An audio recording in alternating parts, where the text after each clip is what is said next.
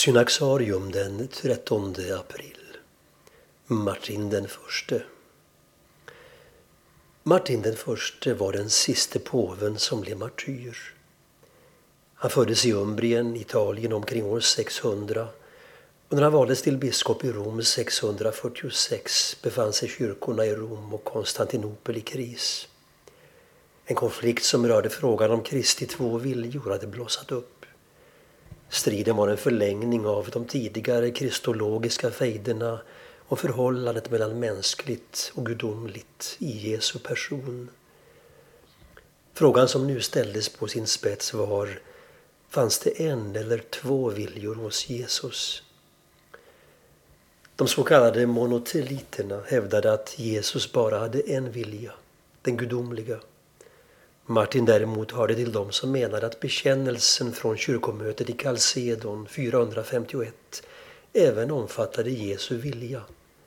Inkarnationen innebar att gudomligt och mänskligt hade förenats i Jesus utan förväxling och sammanblandning. När Gud blev människa hade inget lagts till och inget dragits ifrån. Han var helt och fullt människa samtidigt som han förblev Gud i allt. Därmed hamnade Martin i konflikt med kejsaren i Konstantinopel, Konstans den andre, som hävdade den motsatta ståndpunkten. När denne sände ett dokument i saken till Rom och påven vägrade underteckna det och istället sammankalla 105 biskopar som fördömde kejsarens uttalanden blev Konstans rasande. Han sände en av sina generaler för att arrestera påven och föra honom till Konstantinopel. Generalen hade inte mod att själv fängsla påven utan gav en av soldaterna order att döda honom med svärd in i kyrkan. Men när soldaten gick in i kyrkan med sitt svärd dolt slogs han av blindhet och Martin undgick döden. Senare gjordes ett nytt försök. Kejsaren meddelade att han hade avsatt Martin och att en efterträdare skulle utses. När man kom för att gripa honom förbjöd påven sina präster att ingripa eftersom han ville undvika blodsutgjutelse.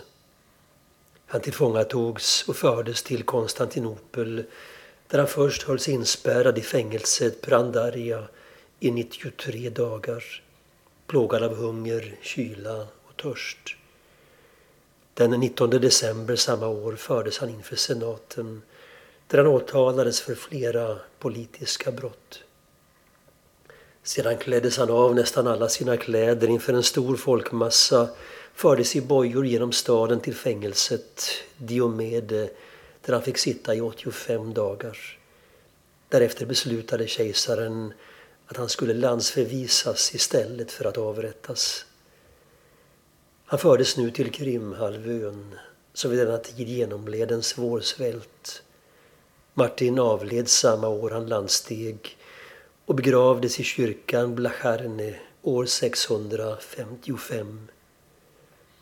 Martin den förste firas den 13 april i både väst och öst i kyrkan.